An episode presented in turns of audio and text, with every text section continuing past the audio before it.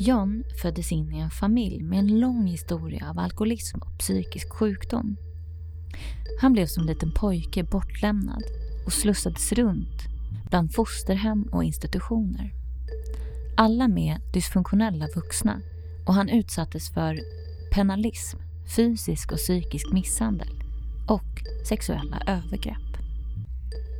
Som 16-åring flyttade han tillbaka till Stockholm och det kändes som om han var i paradiset bland fester och raggarliv. Där var han någon, någon som andra såg upp till och i alkoholen fann han det han alltid hade sökt. John fick jobb inom restaurangbranschen och presenterades för droger, något som gjorde det lättare för honom att hålla uppe sitt drickande. Allt blev progressivt värre.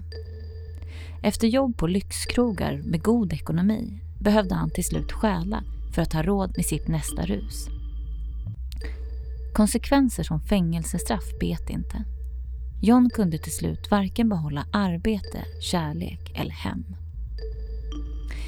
Misären var ett faktum, men ändå var Johns stolthet viktigare än att någonsin erkänna sig besegrad av alkohol och droger.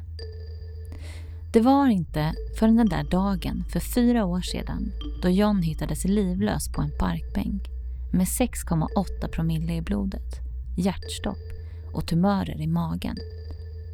Då vände det.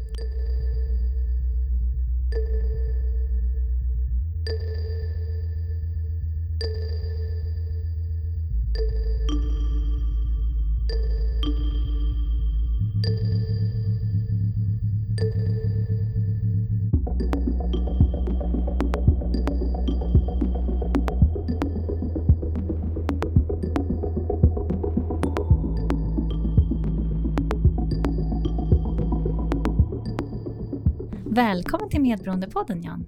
Tack. Jag tänkte höra hur du mår idag. Jag mår jättebra idag, mm. eh, om jag jämför. Jag har vänt 180 grader och gör det här bara en dag i taget. Mm. Eh, och idag mår jag bra. Hur det är imorgon, det vet jag inte. Mm. Men just idag så är det fantastiskt. Jag har ett fantastiskt liv idag. Mm. Ett liv som jag drömde om mm. för länge sedan. Och det har jag uppnått. Oh, jag ryser. jag tänker att vi börjar lite grann där allt började, i barndomen helt enkelt. Mm. Skulle du vilja berätta lite om din familj? Alltså vad var det för familj du växte upp i? Hur såg det ut? Eh, jag växte upp i en riktigt dysfunktionell familj. Min pappa var alkoholist, morfar var alkoholist, farfar var alkoholist. Och mormor och farmor, de skulle bara stå där och, ja, som det var mycket för. Eh, min mamma eh, var psykiskt sjuk. Hon har inga drogproblem eller något sånt där. Utan när mina föräldrar skildes när jag var fyra år. Eh, vid fem års ålder vart jag bortskickad. På fosterhem, massvis av fosterhem. Och i de familjerna var det mycket alkohol. Så jag liksom växt upp med alkoholmissbruk eh, mm. genom nästan hela livet. Och jag var ju omöjlig. Eh, det som idag kallas för eh, DAMP och ADHD, AD. Fast då på den tiden, det här var liksom 58 runt där, 57, 58. Då visste man inte vad det här var. Utan då var man bara omöjlig sociopati kallas det för idag. Eh, sociala anpassningsproblem. Eh, och jag var i helbild som barn. Och jag har en syster eh, som är ett år äldre än mig. Jag har en halvbror som jag fick reda på för eh, fyra år sedan ungefär. När min pappa gick bort i den här sjukdomen. Eh, men min uppväxt har liksom kantats av misär och elände. Eh, utsatt för pedofiler och jag var på Nybodahemmet, Karlslund. Eh, varit ute hos Skå-Gustav. Eh, liksom många som utsatte mig för eh, sex, sexuella närmanden. Och, och även andra, andra djupa saker eh, som ingår i den här pedofili. Mm. Uh, och, och jag var ju omöjlig och därför skickades jag runt på massvis av olika ställen. Mm. När jag var nio år uh, då hamnade jag på en pojke som hette Boxtorp. Uh, låg nere i Stjärnhov. Där var vi hundra grabbar. Och det var det här penalismen. Om du kan tänka dig Jan Guillous Ondskan. Det han var med om på Solbacka. På Bocktorp var det sju gånger värre. Mm. Uh, och personalen blundade. Så mellan fingrarna. Jag var i sängvetare och det fick jag straff för. Uh, vart fastbunden i sängen och spolad med kallt vatten. Så behandlar man inte barn. Och det var mycket det där. Och jag var där till jag var 16 år. Jag rymde och förstod inte det här. Vad har jag gjort för fel? Eh, och det är det som är när barn utsätts för eh, sexuella angrepp. Eh, jag har varit inlåst i skrubbar och, och fruktansvärt. Inga barn ska behöva få uppleva det. Mm. Så där har mitt liv sett ut. Jag har levt på institutioner och, och hem. Du sa att dina föräldrar skildes när du var fem. Mm. Har du några minnen hur det var när de levde tillsammans? Nej, det var ju inte bra. Min pappa då, han eh, bodde i Bandhagen och tog han hem en massa kvinnor och låste in syrran och mig. Medan mamma var och jobbade. Så när hon kom hem då hotade han oss med stryk om vi talade om vad det var för kvinnor som var där. Mm. Liksom, det, det var så det såg ut. Så. Och till slut så skildes de då. Och eftersom min mamma har varit illa utsatt för män då genom alla år, även i Norge. Eh, min mamma är från Norge. Mm. Eh, så hon var utnyttjad själv då. Eh, så jag fick en dålig start i livet. Och eftersom jag var pojke då så skickade hon bort mig helt enkelt. Mm. Och jag har ju läst papper då. Förr hette socialförvaltningen barnavårdsnämnden. Jag har läst papper på att Min mamma ringde skolsköterskan. Ska hon inte komma och hämta pojken snart? Eh, och jag har läst massa andra papper. Hon har suttit med sina vänner och pratat med. Och när jag var hemma på loven så använde hon mig som ett verktyg. hon tyckte att hon var en bra mamma, men hon var ju inte det. Eh, och, nej, men så där såg det ut. och... Eh, Eftersom jag var på mycket utredningshem. Eh, jag förstod ju aldrig det här. Eh, vad har jag gjort för fel? Mm. Eh, och mycket stölder och sånt där. Eh, mycket lögner. Och, eh, det var ingen som talade om för mig varför jag varit bortskickad. Mm. Och det var inga som begrep heller vem jag var. Och, eh, det var ju mycket lögner och stölder. Och, redan som 6-7-åring. Eh, liksom. Minns du hur du upplevde det när du blev bortskickad? Har du några liksom, vad du tänkte och vad du kände? Ja, jag var ju ledsen. Mm. Var, varför ville inte mamma ha mig? Att pappa inte ville ha mig, det, det nästan anar jag. Men det är ju det där, pojkar tyr lättare till mammor och döttrar tyr sig till papper. Och min syster och jag, vi har aldrig haft någon bra relation. Den har kommit nu. Men blev hon kvar, din syster då, hos din mamma? Ja. Det var bara ja. du som blev... Jag har varit bortskickad. Och jag glömmer aldrig det här när jag skulle skicka till Boxtorp. Då kom rektorn på den här skolan och hämtade mig på centralen. Och tyckte, mamma vänder sig om och går bort bara. Men varför? Ska inte du följa med liksom? Nej. Hon bara gick därifrån. Idag förstår jag, det måste ha varit jättesvårt för henne. Eh, men, eh, och när jag kom ner dit då var det läkare där som skulle undersöka mig. Eh, att jag inte hade några sjukdomar. Och bara det var ju hemskt. Gick nästan typ förstoringsglas och kollade om man hade loppor. Och, mm. och, det var ju fruktansvärt. Fick jag på mig någon blå äcklig pyjamasställ där. Och vi fick dricka eh, mugg med äcklig eh, choklad. Eh, och mackor som inte smakade sådär jättebra. Mm. och redan där började den här penalismen. Jag var utsedd till någon offer där. Hemskt. Jag ser det här framför mig fortfarande eftersom och jag liksom fortfarande är tagen av det här. Jag lider fortfarande av det här. Fast det är 50 år sedan. Hur kunde den här penalismen ta sig uttryck? Det var att jag skulle sitta liksom så här på... Uh, man bodde flera pojkar i ett rum. Då skulle jag sitta liksom dra med handen så här på hans rygg för att han skulle kunna somna. Han tvingade mig till det, annars skulle jag få stryk. Så kunde det se ut. Och mm. De använde mig som sexualverktyg. Då. Uh, och det var, jag behöver inte gå in på det, du kan nästan tänka dig själv. Mm. Uh, könsorganen och allt mm. det här. Men var de äldre än dig, de här killarna? Ja, de var mm. äldre. Och, och även en lärare, när jag fick ett eget rum sen så småningom, eh, kom hon in liksom så här och skulle omfamna mig och stryka mig med hår. Så. Och det var ju en tjej, vet du. Hon var väl 17-18 år. Eh, och det här pratar man aldrig om. Det mm. var ju hysch-hysch. Där man pratar, det gör man idag. Mm. Men jag såg ju inte, jag trodde hon liksom gillade mig. Va? Hon tyckte synd om mig. Men jag ser det där, hon var pedofil helt enkelt. Uh, och det var det där att uh, hon använde mig också för hennes sjukdom. Mm. Och jag ska säga det, jag är inte arg på de här människorna idag. jag vet att de var sjuka. Mm. Och den här kvinnan då, hon jobbar inom LP-stiftelsen. Jag försökte nå henne, men nej.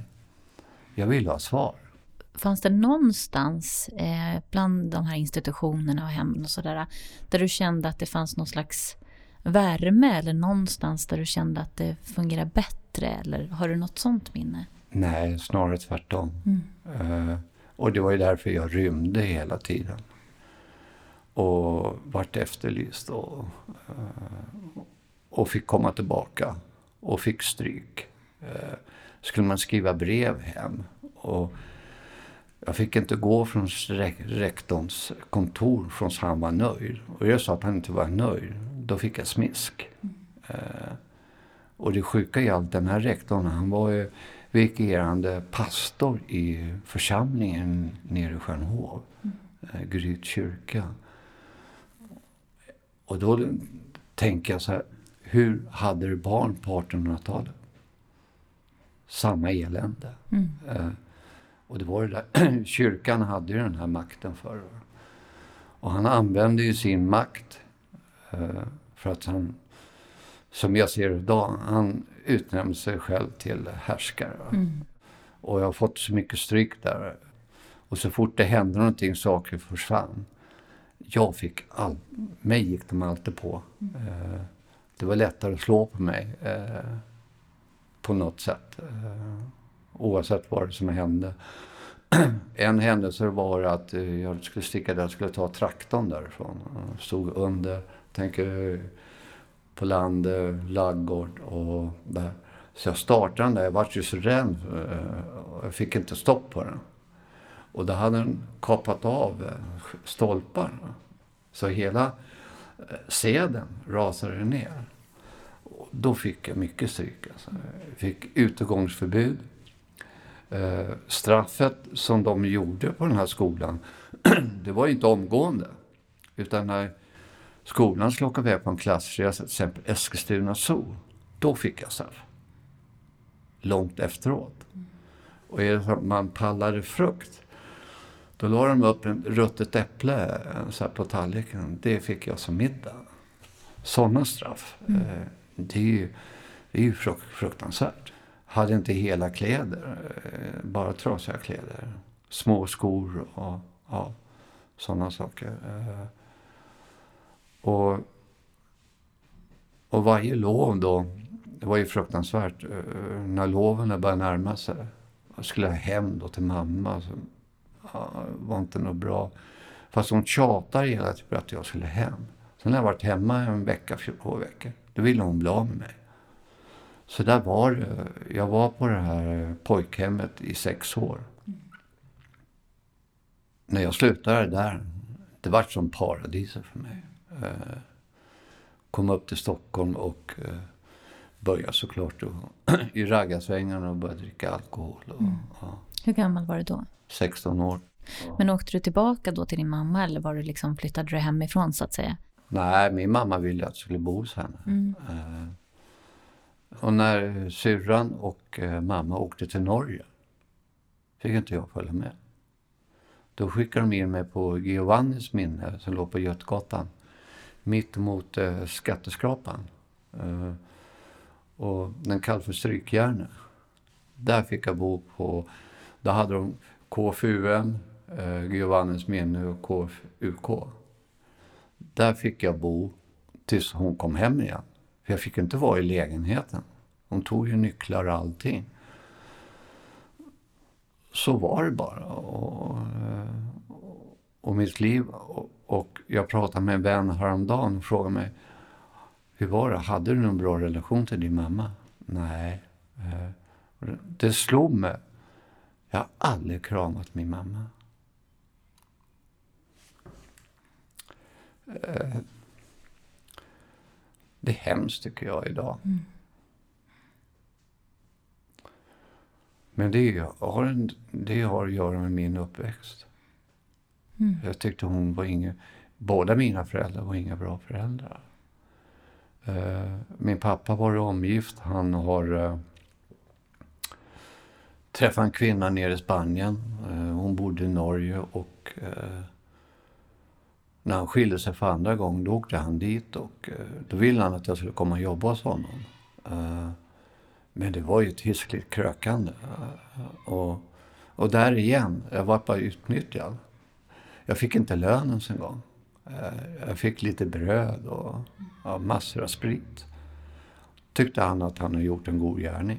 Men när du då kom ut och du eh, flyttade till Stockholm då. Ja. Och eh, då sa du att du gick in i raggarsvängen. Vad, Ja. Vill du berätta mer om hur, hur hittade du dit och vad var det du upptäckte och sådär? Ja, det var en eh, skolkamrat från Bo- Bo- Boxtorp. Eh, han var ett år äldre än mig.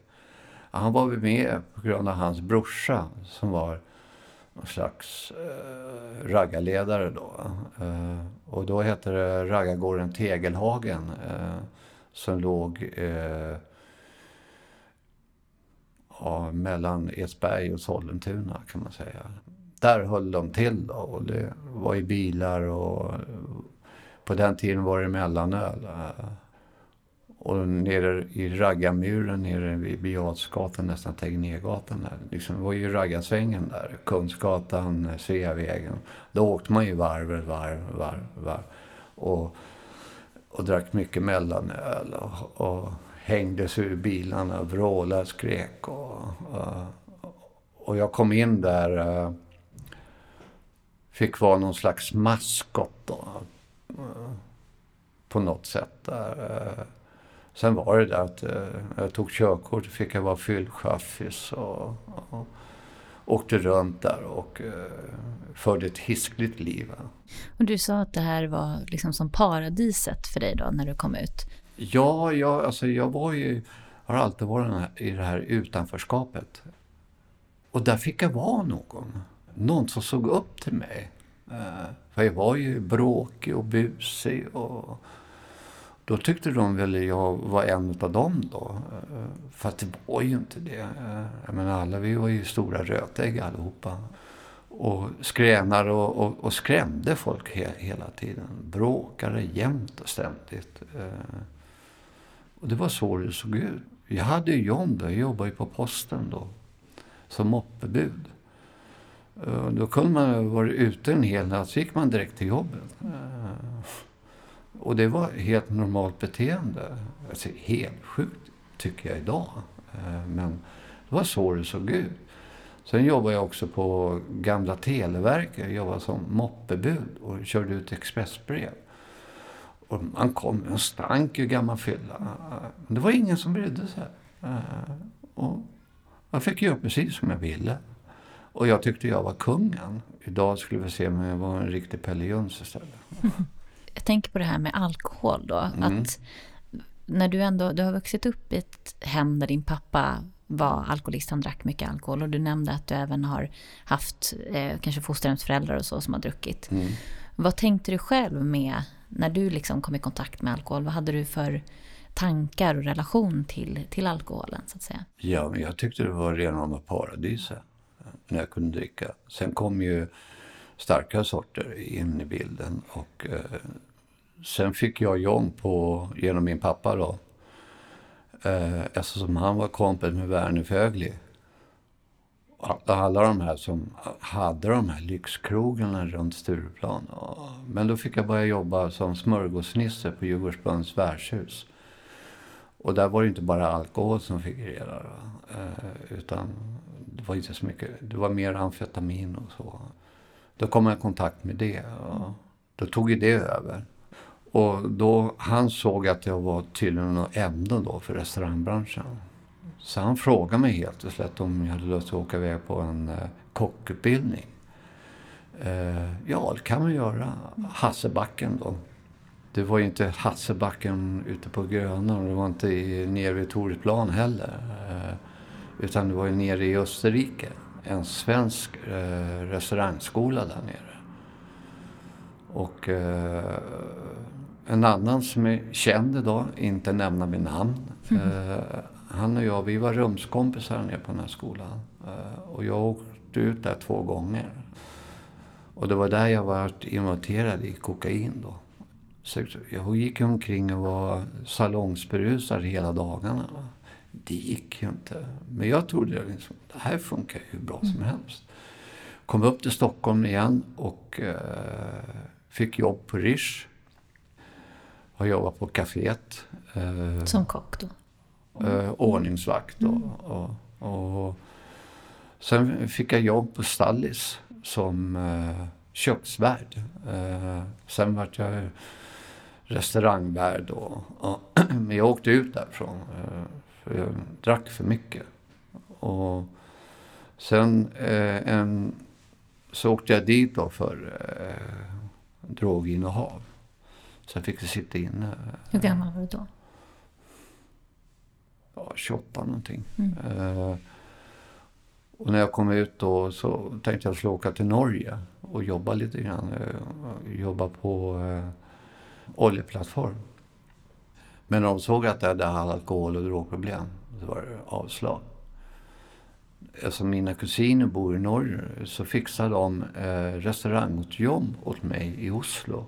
En av eh, Oslos största lyxkrogar. Sen sedermera vart jag restaurangchef där. Och, och, och där stalade jag jag stopp, stoppade lite grann bara. Ja. Jag tänkte på när du åkte i fängelse då för droginnehav. Eh, reagerade, funderade du själv liksom att oj vänta det här kanske inte är... Nej. Nej. Nej. Jag var så avstängd på allting. Jag såg... Det var inte jag som var problemet, det var alla andra som var problemet. De inte gjorde som jag sa. Mm. Uh, och det är det som är sjukdomen. Och du tvekade aldrig på att testa de här drogerna när du blev erbjuden så att säga? Nej, jag såg ju inte ut med mig själv. Mm. Uh, och det var det enda sättet för mig att kunna må bra. Mm. Uh, och det var ju drogerna, det var ju mest alkohol. Mm. Alkoholen var ju min huvuddrog. Men sen som sagt, du fick jobb då på den här eh, lyxkrogen i Norge. Mm. Var, eh, då, jag antar att då var du fortfarande aktiv, du drack och, ja, och, och, och ja. tog droger. Ja. Men hur funkade det där då? Upptäckte de inte eller reagerade de inte på? Nej, alltså, man lär sig hur man ska tolka människor. Eh, manipulera dem och och frågar dem om de frågar det var så här, nej men jag var på lite vild fest igår så att eh, lite så här, mår inte så bra och sådär. Och det var ingen som reagerade. Uh, utan de lät den bara hållas. Mm. Sen kom jag på om jag tog mer kokain än alkohol, uh, då kunde jag dricka mer. Mm. Och, snorta ännu mer. Uh, då höll jag den här balansen. Mm. Men så, men jag startade aldrig tidigt med det utan jag väntade. Snortade då på dagen så drack jag på kvällen. Eh, och då var det inte många som märkte det. La ju upp ett system på det där. Hur jag kan funka bäst. Bara gå omkring och är salongspåverkad. Mm. Så är det ingen som kommer att reagera. Eh, och det där, håll, men sen kom jag på det där, mm, nu börjar jag liksom eh, gå åt pe peppan här. Mm. Du kände så själv? Ja. Mm. Då gick jag i, i, la jag i mig på avgiftning. Hur skulle du säga, alltså jag tänkte när du då började kapitulera inför att det här kanske inte var helt sunt. Vad var det du liksom såg i dig själv då som inte var bra? Nej, men jag såg likheten med min pappa. Nu blir jag exakt som han. Mm. Och det är det vi gör. Vi ärver ju beteendet. Och fortsätter. Uh, och tror att det här är normalt. Mm. Uh, det är helt onormalt. Men jag förstod ju inte det. Jag förstod att jag hade problem, men jag ville aldrig erkänna det. Mm. Nej, men jag är inte tillräckligt slagen. Jag bara vila upp med några antal veckor så är det fit för fight igen. Mm.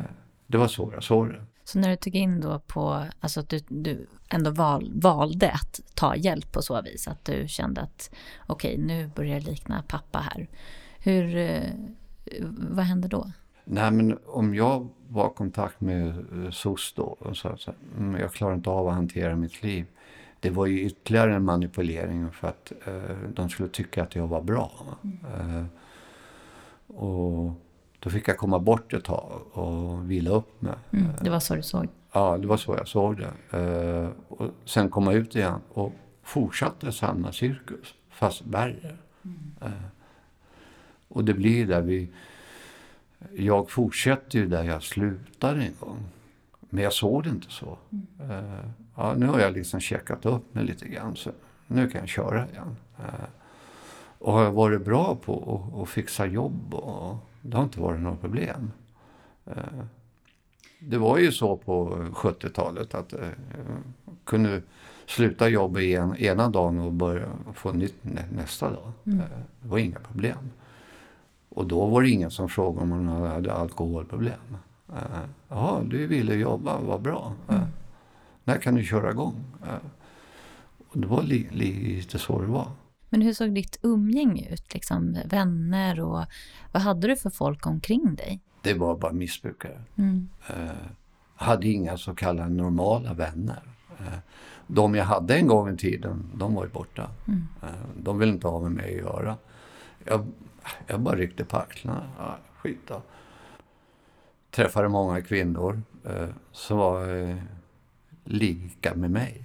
Eh, som hade det här problemet. Mm. Och, och, och, och, min sponsor frågade mig en gång. Har du haft något normalt förhållande? Ja, det har jag väl. Jag har varit gift. Jag har varit förlovad. Och, och, ja, men det var inte det jag frågade. Har du haft ett normalt förhållande? Nej, det kanske jag inte har, men... Men så, så är det ju. Och när jag gick på avgiften på Huddinge sjukhus, då frågade min läkare så här. Problemet med dig John, det är att alla haft något förhållande med dig själv. Du har haft förhållande till alla andra.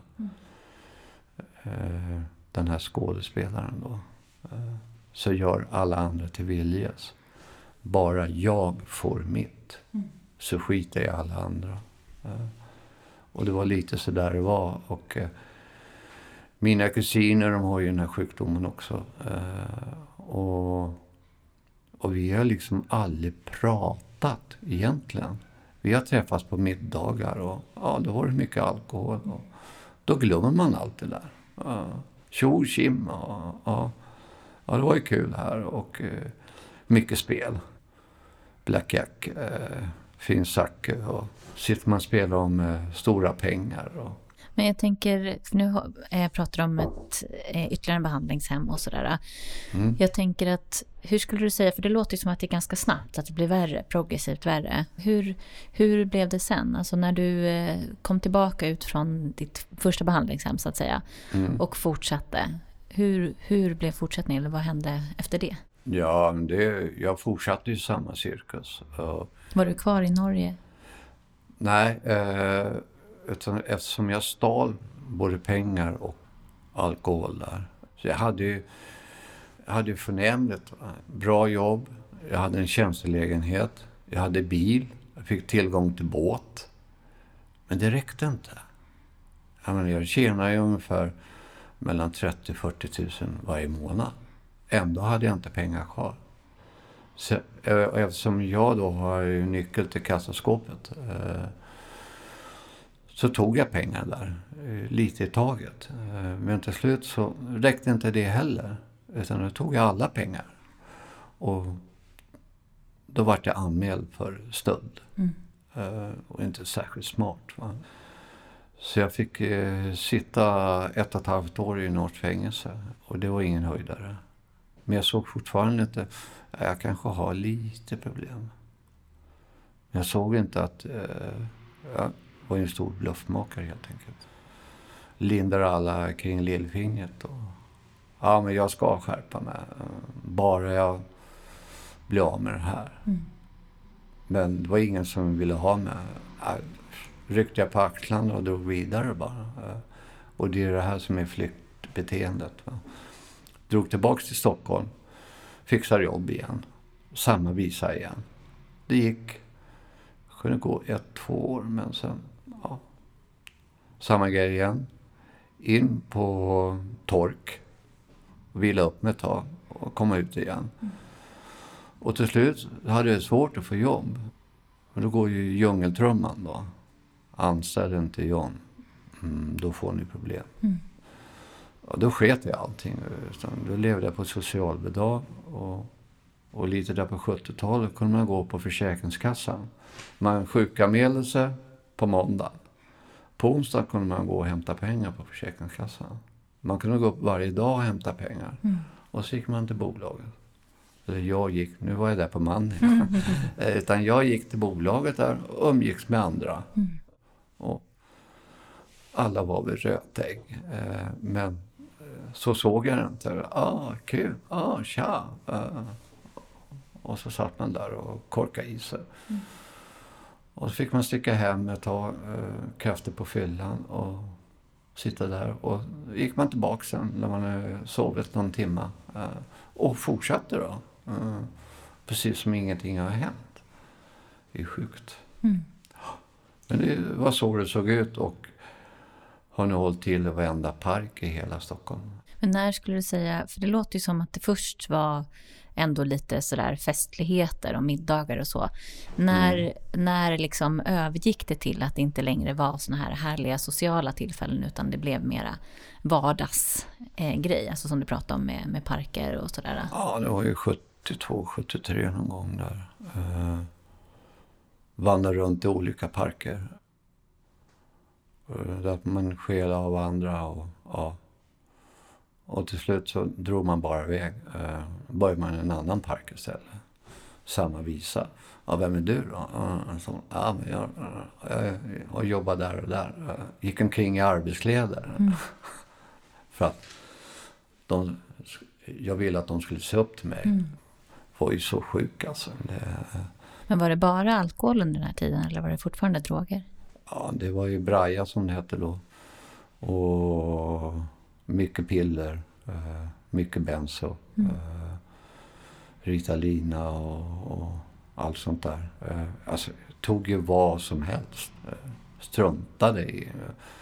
Och ett tag var det mycket eh, snifftrasor, tinner, kontaktlim.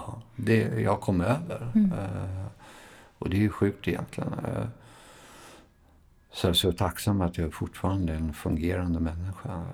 Mm. Att inte hjärnan har skadats mer. Mm. Om tänker på det här med sniffningen. Eh, det är sjukt alltså. Mm. Men jag, fortfarande såg jag inte att jag hade problem. Jag visste att jag hade problem. Mm. Men sen 76 någonting då vart jag till och med portad på Arbetsförmedlingen. Varför då tror du? Eller vad, vad var det som fick dem att porta dig? När vi gick upp där och använde telefonerna för att ringa langare och, mm. och, och ring, satt och pratade privatsamtal på Arbetsförmedlingen. Till slut fick de nog av. Mm. Och, och uh, SOS också. Uh, så de skickade in mig på Långbro.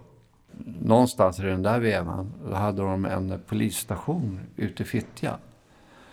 Och där en gång, en händelse där, så de brukar ju muddra den och sådär men på något sätt fick jag behålla tänderna. Och eftersom jag har den här sjukdomen jag vill ut därifrån så jag hade tröjan, så jag tände eld på tröjan inne i cellen. Eh, och då skulle de åtala mig för mordbrand. Men jag körde på nej men ni lät mig behålla tänderna.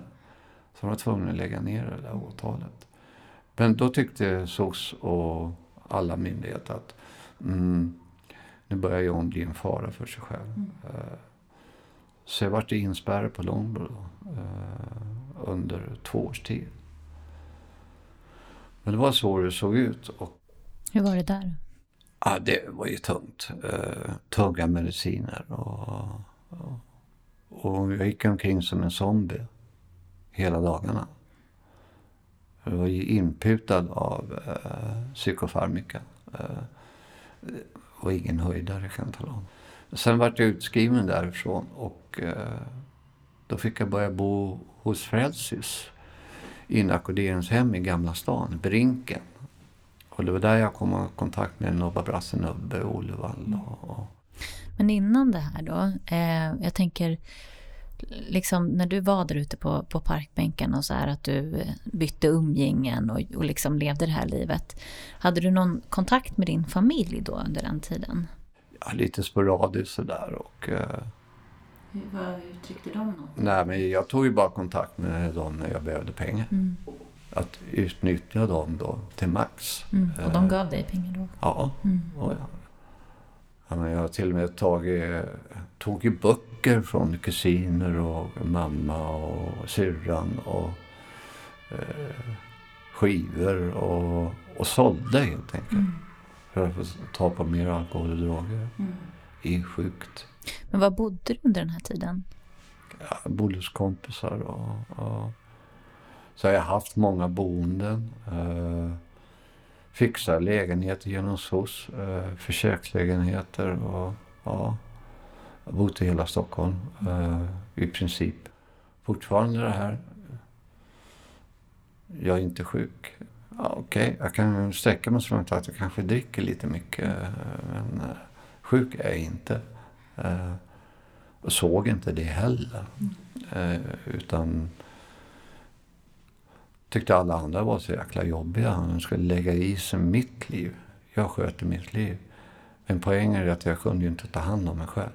Jag var som ett litet barn. Mm. Och det har att göra med min uppväxt. Fått så mycket stryk och mig ska aldrig någon slå.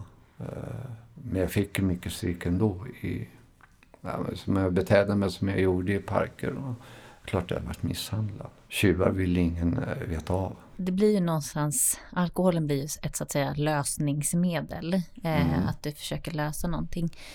Men var det det som ändå som höll dig liksom igång? Eller fanns det något annat? Alltså någonting, någon dröm du hade eller någonting som... Eller om du träffade, jag tänkte du pratade om att du hade att du haft många relationer och så. Var det någonstans du kände att, ja men, att du började kanske tänka att jag kanske inte behöver ha det så här? Att det fanns någon slags glimt av hopp någonstans? Eller hur, hur minns du det där? Jo, men jag hade ju en dröm att få ett normalt liv bli medelsensam. Ha en familj, umgås med, gå till ett jobb, eh, komma hem, eh, sitta och umgås med familjen, åka utomlands, kanske ha en båt och åka ut och fiska, ha en bil som vi kunde åka ut och bada och lite sådär. Det var en dröm om ett eh, eget hus och kanske ett torp och sådär. Mm. Vilket jag fick senare. Mm. Men uh, allt det där är borta. Mm. Uh, på grund av uh, missbruket då. Så försvann allt det där. Mm. Men jag ryckte ju bara på axlarna och ut och letade upp en annan kvinna. Varför försvann det då skulle du säga? Alltså du säger på grund av missbruket. Men var det för att hon liksom kom på det eller ställde ultimatum? Eller? Ja. Mm om, om du inte gör någonting åt det här så skiljs vi. Mm. Ja, okej. Okay. Uh, uh, nu, får du, typ, nu får du välja mellan familjen eller alkoholen. Och de som är var så valde ju alkoholen. Mm. Och ja, vi är vänner idag hon och jag. Men uh, Sen skaffade jag en ny tjej, eh, fick barn. Och min första kvinna som jag gift med, hon hade egna barn. Jag tänkte, ja, vad skönt, jag slipper mm. göra den biten. Eh, och jättegoda vänner då, men eh, det tog lång tid. Den andra kvinnan som jag var gift med, som jag har två barn med. Hon har sjukdomen. Eh, hon dubbeldiagnos, tri, trippeldiagnoserad. Hon är, så hon är schizofren också. Mm. Och hon ringer mig nu och terrar och har så. Och i början tänkte jag jag får nog smaka på min egen medicin. Mm. Jag hade en benägenhet att ringa folk i fylla. Uh, Fyllesentimental, som man mm. kallar det. Och, men jag har ju kört över människor så mycket. Och det, det är beklagligt, som jag ser det idag. Mm. Men jag har ju chans att gottgöra det. Mm. Jag har varit ute och gottgjort väldigt många. Men jag har många kvar. Och det är ett mirakel att jag fortfarande lever. Men vad var det då som du tror gjorde? För jag tänker, det där är ju konsekvenser som många kanske skulle känna att okej, okay, nu, det här är någonting, nu kan jag, jag håller på att förlora allt det här fina jag har. Eh, men ändå så bet det inte på dig. Nej. Vad var det som gjorde att du till slut kapitulerade i alla fall? Alltså, ibland pratar man om att nå botten, det är inte alla som riktigt upplever det så, men att kapitulera inför att jag behöver hjälp, jag vill ha den hjälpen. Liksom ja, det gick så långt så att ja, men till slut så ja, hon skickade ut mig helt enkelt. Eh, och då hade jag ett väldigt fint boende ute på Ekerö. Jag hade byggt upp huset själv. Men det på grund av att jag hade skulder så jag var tvungen att skriva allting på mina gamla svärföräldrar. Och de blåste mig rakt av bara. Uh, Okej, okay. jag ryckte på axlarna och bara gick vidare. Va?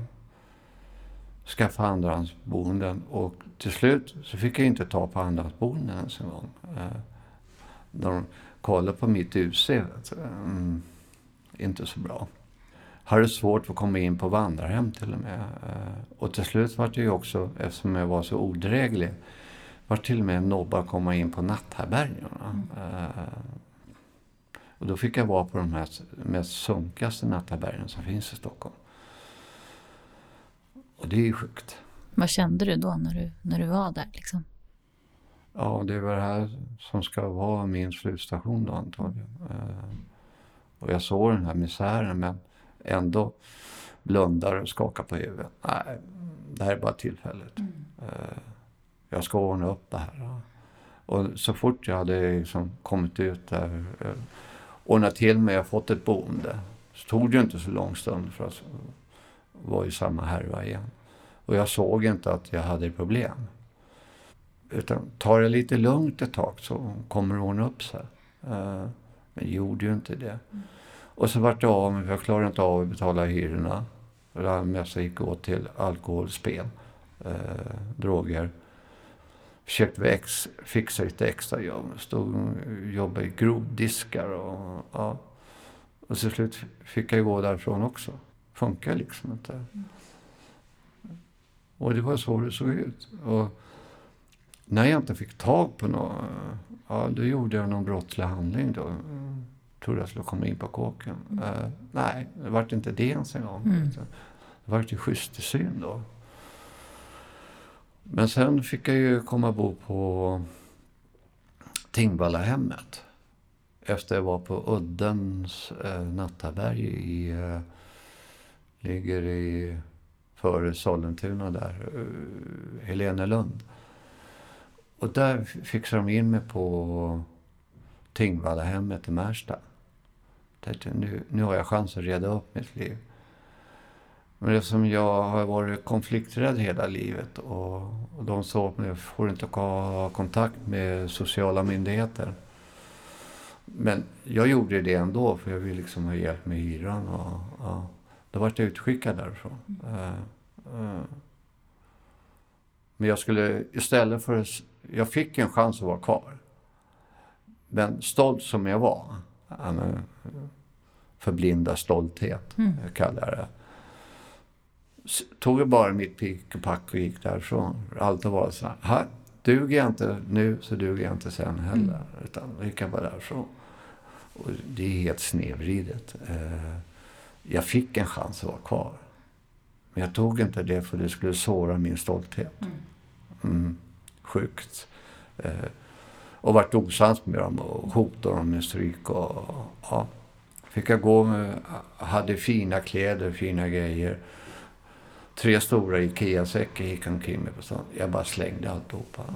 Brydde mig inte. Eh, sov på parkbänkar och ja, så såg det ut. Och eh, var in och stal och sålde och, och tog på alkohol och droger. Till slut så rasade jag bara ihop som värsta kolli. Eh, och eh, då hade de hittat mig i Vasaparken. Det här var 15 december 2013. Då fick jag åka ilfart till Sankt Göran. Så illa var det. Uh, tydligen haft ett hjärtstopp två gånger under färden. Uh,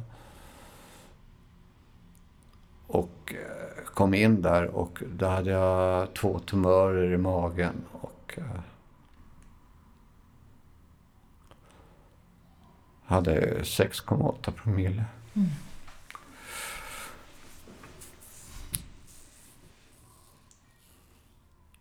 Det här är väldigt känsligt. Mm. Uh,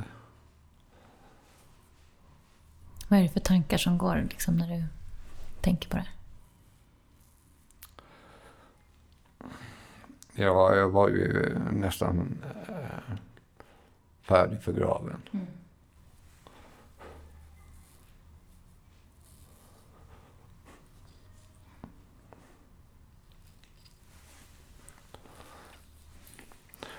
Jag har ju pratat om det här många gånger men äh, det är lika känsligt varje gång. Mm. Äh, och det är helt okej. Okay. Eh, jag glömmer aldrig. Och där någonstans när jag vaknade upp efter tio dygn och fick gå med rullator och jag var så dålig. Fick gå där med syrgasslangar och, och fick gå hamna på Danderyd sen och de tog bort de här två tumörerna. Eh,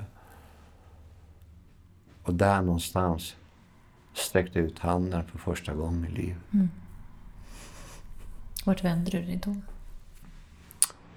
Eh, då fick jag bo på, när jag kom ut därifrån, efter tre månader. Så pass sjuk var jag. Mm. Eh, Eh, fick gå med rullator och eh, det tog väldigt lång tid. Och fick börja bo på en slags hotellhem i eh, Slagsta. Eh, med lite lyxigare variant då. Eh, med väldigt dyr hyra. Men eftersom jag var ju, jag var ju sjukpensionär. Eh, och där var det väldigt mycket misär. Det var mycket polacker och ryssar som bodde där. Och och där någonstans, jag höll mig nykter och drogfri. Jag gick, jag gick till beroendemottagningen i Fittja. Jag behöver hjälp. Mm. Och sen var jag i kontakt med Botkyrka socialförvaltning. Eh, I april 2014 fick jag börja bo på Lönnen. Och det var min räddning, mm. kan jag säga. Vad var det du fick där? Jag fick bo på en tolvstegsvåning, fick en bra kontaktperson eh, och valde att gå på möten. Och folk frågade om jag inte kunde umgås med dem. Så Nej, men jag bor inte på Lunden för att skaffa vänner. Jag bor på Lunden för att tillfriskna. Mm. Och jag sprang mig på tre, fyra möten varje dag. Men kände du ändå, för jag tänker att väldigt många kanske, ja men att det känns så hopplöst liksom, att finns det någonsin någonting som kan, kan hjälpa mig liksom när du gick på de här mötena, var det, var det någon som liksom nådde in till dig? Att du kände att oj, det kanske finns hopp på något sätt? Ja, men jag var ju livrädd för att ta en sponsor. Mm. Han kommer säga åt mig vad jag ska göra. Jag var ju livrädd för det. Men vad såg du hos de andra då? Var kunde du känna igen dig i deras historier? Eller? Ja, men det var det bara. Äh, fan, de sitter och ljuger. Det är, ingen annan, det är ingen som kan må sådär mm. bra och ha det sådär bra. De ljuger ju. Uh, och jag använder alla andra som... Ja, försökte rättfärdiga mig själv att det var så, så jävla bra. Fast det var ju inte det. Mm. Uh, men jag ville fortfarande vara den här uh, personen som alla skulle se upp till.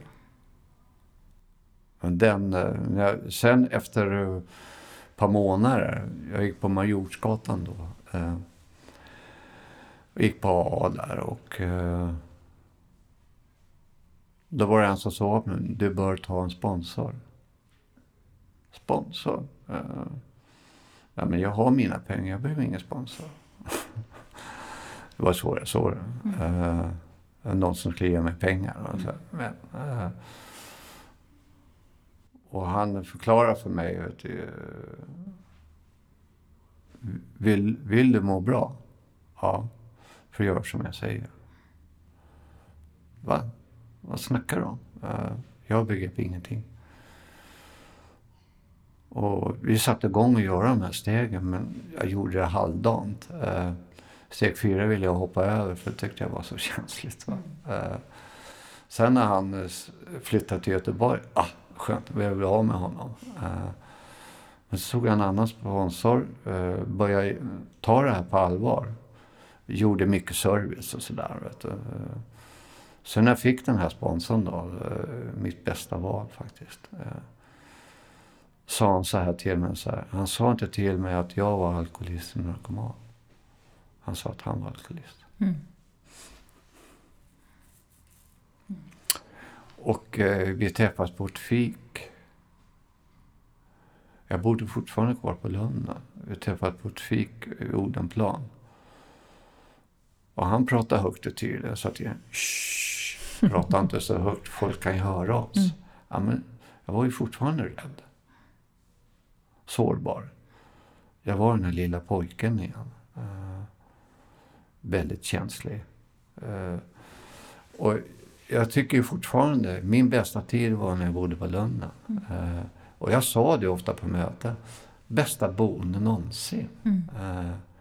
och det var många som sa, hur kan du tycka Lunden är bra? Jo, jättebra om man gör det här, mm. om man gör det här programmet, så får man ett bra liv. Mm. Men det är ingen fest. Det är blodigt allvar. Mm. Och så gjorde jag stegen med min sponsor. Och sen under resans gång så ja, då fick jag flytta till eh, delat trerumsboende i Tumba. Det var ett rent helvete där. Mm. För de här två jag delade lägenhet med, de var ju småaktiva. De kom ju dit, eh, boenheten kom varje måndag. Eh, och då såg de till att sova från torsdag till måndag. Och ibland så hade de med sig kompisar och sa så här, du får inte vara här. Nej men vi dricker ingenting här inne. Nej men det spelar ingen roll, ni har ju er. Och det här gör att min egen nykterhet eh, är i farozonen. Och jag berättar det här för eh, SOS då. Sen skiter i eh, vad folk tycker. Mm. Eh, det handlar om eh, min framtid. Tyckte de var jättebra. Eh, och då fixade de en eh, egen trerumslägenhet i Fittja. Och den fick jag i december eh, för snart två år sedan. Mm. Och i februari i år då fick jag skriva eget kontrakt. Grattis. Ja. Mm. Och idag så jobbar jag med andra. Jag går på möte varje dag. Både i medberoendeprogrammet och där liksom har jag fått ett riktigt uppvaknande. Vad är det du hittar? Jag tänker att, att liksom kapitulera inför ja, men att jag är alkoholist, narkoman och sådär. Att det är ju tydligare på ett annat sätt i och med att du har en, en primär drog så att säga. Mm. Men hur kom du liksom till insikt kring det här med medberoende? Hur, på vilket sätt skulle du säga att du är eller har varit medberoende? Ja, men jag tittar på min pappa, mina kusiner, min mamma uh, och alla kvinnor som jag var ihop med. Mina barn. Jag är väldigt tacksam för min dotter är ju djupt religiös då. Men jag har en son också som eh, lider av den här skiten. Han ligger på sjukhus i Oslo. På grund av drogerna. Mm. Eh, och, och, och har vänner som jag ska stötta och hjälpa. Och, men jag förstod ju inte det här. Eh, utan det var en vän då som jag har eh, med en annan gemenskap idag. Hon sa att du kanske borde testa. Och, uh, ja, vad är det för något? Medberoendeprogram ungefär som Alanon. Mm. Ja, men det har jag testat. Det funkar ju inte. Mm. Ja, men det var därför du inte var villig. Ja, Okej, jag kan väl testa då. Och där gick det upp ett ljus. Har ju varit medberoende, eh, vuxet barn genom hela livet. Fast jag har inte sett det. Mm. Uh, och jag ska hjälpa alla andra att alla andra ska må bra och jag ska finnas till hands. Fortfarande där att, ja, bra John, duktig du är, ja, att du hjälper oss. Men det var ju bara för att rättfärdiga mig själv. Mm. Jag såg ju inte det. Utan medberoende idag, det handlar inte bara om där man tar hand om missbrukare. Utan medberoende, det är så mycket mer. Mm. Eh, det kan vara jobb, om någon ringer för veteranpoolen. Kan du ställa upp och jobba i morgon bitti? Jaha, ja, oh ja. Uh, och det är medberoende som kickar igång där. Fast jag har lärt mig nu att säga nej. Det är jättesvårt. Mm. Uh, och då får folk bli sura då. Tycker jag beklagligt. För att då har de inte sett vem jag är idag. Mm. Och jag har ju hållit föredrag på veteranpoolen också. Och det är ju folk som säger Åh, fan vad jobbig du är. Uh, och då ser jag så här, och det är ju de här som är, jag brukar kalla för helgalkisar. Mm. De tycker att det är så känsligt. Eh, för de vet om själva att de har alkoholproblem. De är exakt där jag var förut. Förnekelse. Mm. Och de tycker jättebra att jag kommer dit och pratar om det här. Och jag säger inte åt folk att de ska gå på möten och jobba i stegen. Utan jag talar om för vad jag gör. Mm. Där var det poängen. Mm. Eh, och, och sluta med att ställa upp för människor höger och vänster. Folk frågar mig, man ringer upp i folk i gemenskapen. Nej, det är inte min uppgift. Mm. Utan vill folk ha hjälp, då får de ta kontakt med mig. Det är det jag har lärt mig i det här programmet. Mm. Uh, och jag har sprungit mycket på möten uh, tidigare satt på AHA, det som liksom, satt där och kan undra varför jag gick där överhuvudtaget. Jag kunde sitta och planera vilken pub jag skulle gå på. Mm, inte särskilt friskt. Och idag försöker jag vara till största möjliga nytta för alla eh, när de vill ha hjälp. Och sen händer det såna andra episoder i tunnelbanebussar eller när ute och går. Och, och kan också vara största. Men det är svårt. Vad tänker du med episoder då? Ja, men nej, om det är någon som jag känner att den här människan skulle behöva hjälp. Mm. Det är inte så att jag står, står i boken och slår huvudet på dem. Funkar inte så. Eh, utan jag kan tala om vad jag har gjort. Mm. Och är de intresserade då så kan vi fortsätta samtala. Och det är fantastiskt en möjlighet att få göra det. Vad brukar du få för reaktioner när du, när du delar med dig av, av dig själv? Liksom, och... ja, folk blir irriterade. Mm. Uh, det är därför de är så rädda. Mm. Jag var ju livrädd när folk skulle säga åt mig att du bör göra det här. Mm. Nej, absolut inte. Det där är hokus pokus uh, hjärntvätt. Mm. Idag säger jag så här, det är en fin hjärntvätt. Uh, det har fått mig att liksom förstå vem jag är. Mm. Och jag är fortfarande i den här äh, uppbyggnadsfasen. Uh, träffar man i... Jag har varit med i AA i väldigt många år. Jag var en av pionjärerna i svenska AA. En oldtimer i AA berättar. Han har varit i Mexiko och han sa det. Äh, första 50 åren är man nykomling. Mm. Och alltid när han kom och jag fick höra han skulle gå på möte, gick alltid dit. Mm. För han har någonting att berätta. Uh, han har 65 års nykterhet. Va? wow, det är imponerande. Uh, tyvärr har han gått bort nu. Men, uh, brukar tänka på honom. Och han, det roliga är att han heter John också. Mm. Ja. Uh, och det är sådana människor jag tar till mig idag. Som har någonting att ge. Uh, och jag hoppas att jag har någonting att ge till andra. Uh, men just det här med medberoendet. Jag pratade med en kusin häromdagen och vi har inte pratat med varandra på 30 år. Uh, han har hört då vilket liv jag lever idag. Han till och med frågade om jag hade lust att komma till dem i Torshälla och vara med på en 60-årsfest. Mm. Wow, vad imponerande. Förut ville de inte ta i mig med tång. Nu står jag högst upp på deras mm. eh, inbjudenslista. Och, och så har jag en, en annan kusin som eh,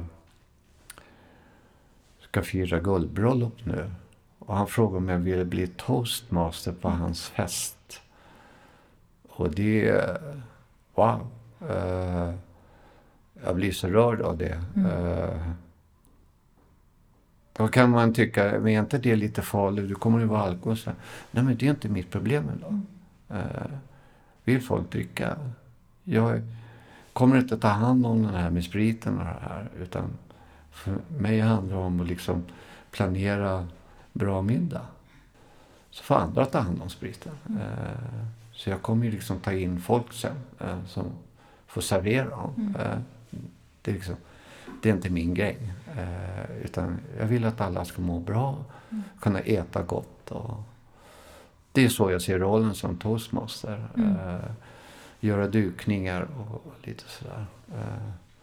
Men hur ser du på det här med alkohol och droger idag? Liksom, jag tänker på återfall och så här. Vad har du för tankar kring det där? Jag har ju aldrig tagit en återfall sen... Jag kom in här för snart fyra år sedan. Inte ett enda återfall. Mm. Sen att jag har ju legat på sjukhus och blivit opererad flera gånger. Och läkaren ville att jag skulle ta morfinpreparat. Eh, jag var livrädd för det. Mm. Eh, för att köra igång igen. Men då sa min sponsor en klok sak.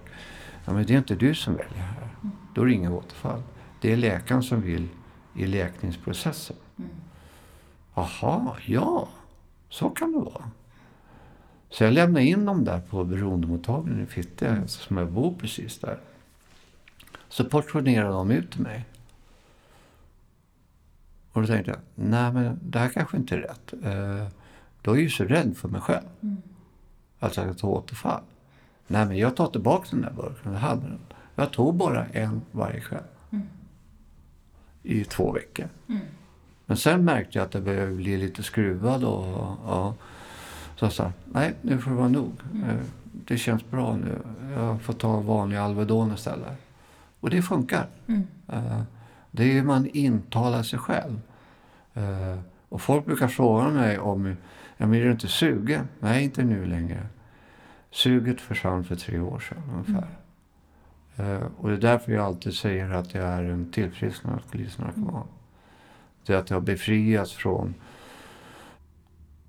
behovet av att använda alkohol och droger. Besattheten. Mm. Uh, alltså, ibland försvinner mina tankar. Men det är väl inte så mycket att undra på. Jag har hållit på med så mycket mm. uh, missbruk genom åren. Uh, jag har slagit i skallen. Jag har haft, har haft en 10-15 hjärnskakningar. Jag har haft stroke och, och ändå är en fungerande människa idag. Uh, opererad på diskbråck och på grund av och mina tumörer som jag också ser på grund av uh, all missbruk mm. som jag har hållit på med genom alla år. Sen att jag har haft eh, långa perioder av eh, nykterhet. Mm. Men jag var ju bara nykter på Vita knogar. Mm. Eh, mådde ju sämre när jag var nykter. Men jag pluggade mellan 87 till 91. Gick jag på Tollarp folkhögskola. Också en, en bra era i mitt liv Jag tog in gymnasiekompetens och utbildade mig till fritidsledare. Och har gått ett år på Bosön. Och utbildade idrotts, friidrottspedagog. Uh, eh, och, och det är kanske därför jag passar för det här jobbet i Södertälje också. Mm. Uh, och den kvinnan, hon kom ihåg mig. Uh, hur det var när jag kom in. Mm. Hur sjuk jag var. Hon liksom sa det. Kommer du ihåg hur sjuk jag var när du träffade mig första gången? Uff, prata inte mm. uh, Till folk vet hur jag var. Mot hur jag är idag. Mm. Det är som natt och dag. Mm. Uh, men det betyder väldigt mycket för mig att kunna gå både på CA och Kohanon. Mm. Det ger mig oerhört mycket. Och igår kväll när jag var på Olof Palmes gata så vart jag påmind om eh, hur illa det var. Mm. Och kom på en gottgörelse jag ska göra där. Och det är så ibland. Ibland hamnar jag i de här lägena att jag kan inte komma ihåg alla. Mm. Uh, sen att jag har dåligt närminne, och, men tyvärr det tillhör ju åldern också. Ibland försvinner de här tankarna. Och det måste jag sätta mig ner. Mm, vänta nu, vad var det vi pratade om här? Mm. Uh, så kommer det tillbaka. jag kan vara hemma så går jag ut någonting. Jag bor ju Nätta. Men vad var det jag skulle göra nu? Mm. Det bara försvinner. Det kan jag också vara med om ska jag säga. Ja, jo, men... Eh, men jag förstår. Mm. Ja, i, ibland är det där och... Eh, jag har ju sömnapné, jag har ju sömnsjuka och sådär. Eh, men livet är hanterbart idag och... Mm. Eh,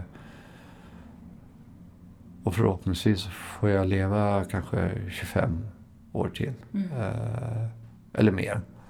När jag gör det här på daglig basis. Och jag har inte de här besattheterna längre utan jag försöker vara till största möjliga nytta. Mm.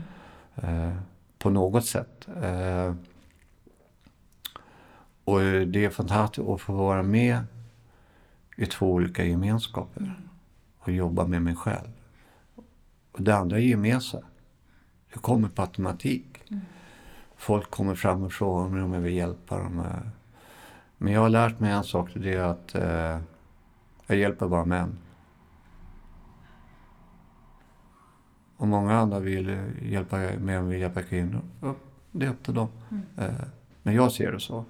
Jag kanske är den här gammalmodiga sorten. Eh, men eh, det är då det fungerar. Det blir ingen dragningskraft. Mm. Det är lätt att förstå. Mm. Men just det där, tänk på min son. Eh, han ligger på sjukhus i Oslo och eh, blivit så misshandlad så han, ligger nedsövd. Eh, och är som när man skäl av fel folk. Och en kvinna i Medcon sa det. Mm, hur var det med dig tidigare då? Och känna så här. Vad fint att det inte var så mycket skjutvapen på 70-talet. Mm. Jag har gjort många människor illa men jag försöker göra så bra som möjligt. Mm. Uh, vara till största möjliga nytta. Uh, och sen är det så här också. Uh, jag älskar inte alla och alla älskar inte mig. Men jag kan respektera alla. Mm. Och göra efter min bästa förmåga. Det finns liksom inga mirakelkurer för det här. Utan jag gör det på daglig basis. och det är fantastiskt att få göra det. Man får se den här glädjen i människor. Så att jag förmedlar någonting till dem. Och jag kan ju vara som en eh, stödsponsor också. Eh, får ju den frågan ibland. Kan det vara min vikarierande sponsor mm. inte min sponsor? Ja, jo. Och jag brukar säga, till mig kan du ringa när du vill. Om det är någonting. Mm. Även om jag inte är deras sponsor så kan vi ställa upp för dem. Mm. När de har behov att prata. Och min sponsor sa, när jag tog honom, så sa han så här. Nu ska du få göra någonting du aldrig har gjort. Och då, det håller tyst. Mm. Och lyssna. Uh, det har ju inte varit min bästa grej. uh, men så kanske det är för alla. Uh, men just det här, den här fasen jag är nu. Är relativt nykläckt pensionär. Och har två jobb. Det är fantastiskt allting. Uh, och, och lite det här med rosa moln fortfarande. Va? Och jag var i de här rosa molnen. Sen en del dagar har jag varit eh, riktigt illa. Mm. Uh, men uh, då går jag bara ner på knä och ber. Uh, att få ett bra liv. jag ber aldrig om saker och sådana saker. Det funkar inte. utan jag har mitt på torra. Jag har ett eget boende. Jag har kanske inte sån här överskop hög pension. Men eh, jag har så jag klarar mig. Mm. Eh, och mer behöver jag inte. Utan jag får leva ett lyckligt harmoniskt liv. Och vara med om andra människors resa. Det är också fantastiskt. Mm. Men samtidigt ska, ju, ska jag komma ihåg att det är inte bara tolv steg. Jag har ett liv utanför också. Mm. Och nu har jag börjat med att eh, låna böcker på bibliotek och läsa om svensk historia. Mm. Jag har anmält mig till buggkurser eller andra kurser. Eh, läsa lite språk har jag tänkt. Så vi får se vad det blir för någonting har. Men det är fantastiskt. Eh, och att gå på möte en timme om dagen, som, vad ska jag göra de andra 23 timmarna? Mm. Mm. Ja, men det är viktigt det här att hitta någonting. Att gå en väg man aldrig har gått tidigare. Mm. Jag har ju bara gått den här högersvängen hela tiden. Alltså jag går vänstersvängen också. Mm. Och upptäcka att livet är ju fantastiskt. Uh, ut och gå på Djurgården, uh, stänger av mobiltelefonen så är det bara jag och Gud. Och gå där, upptäcka saker. Jag har ju gått där i 40 år. Och nu kan jag upptäcka saker varje gång jag går där. Wow! Det här är ju fantastiskt. Vilket vackert träd. Mm. Uh, jag har gått förbi det här trädet i många år. Men jag har inte upptäckt saker. Och idag kan jag se de här sakerna. Mm. Det är fantastiskt. Jag tror vi låter det bli sista orden. Det var fantastiskt. Tusen, tusen tack Jan. Vilken otrolig resa och otrolig inspiration, verkligen. Tack. Tack. Tack. Vill du veta mer om medberoende eller beroende och var du kan vända dig så kan du gå in på vår hemsida. www.medberoendepodden.se är adressen. Du får hemskt gärna gå in och betygsätta oss via iTunes för att göra det lättare för andra att hitta till Medberoendepodden. I sociala medier heter vi Medberoendepodden. Följ oss där.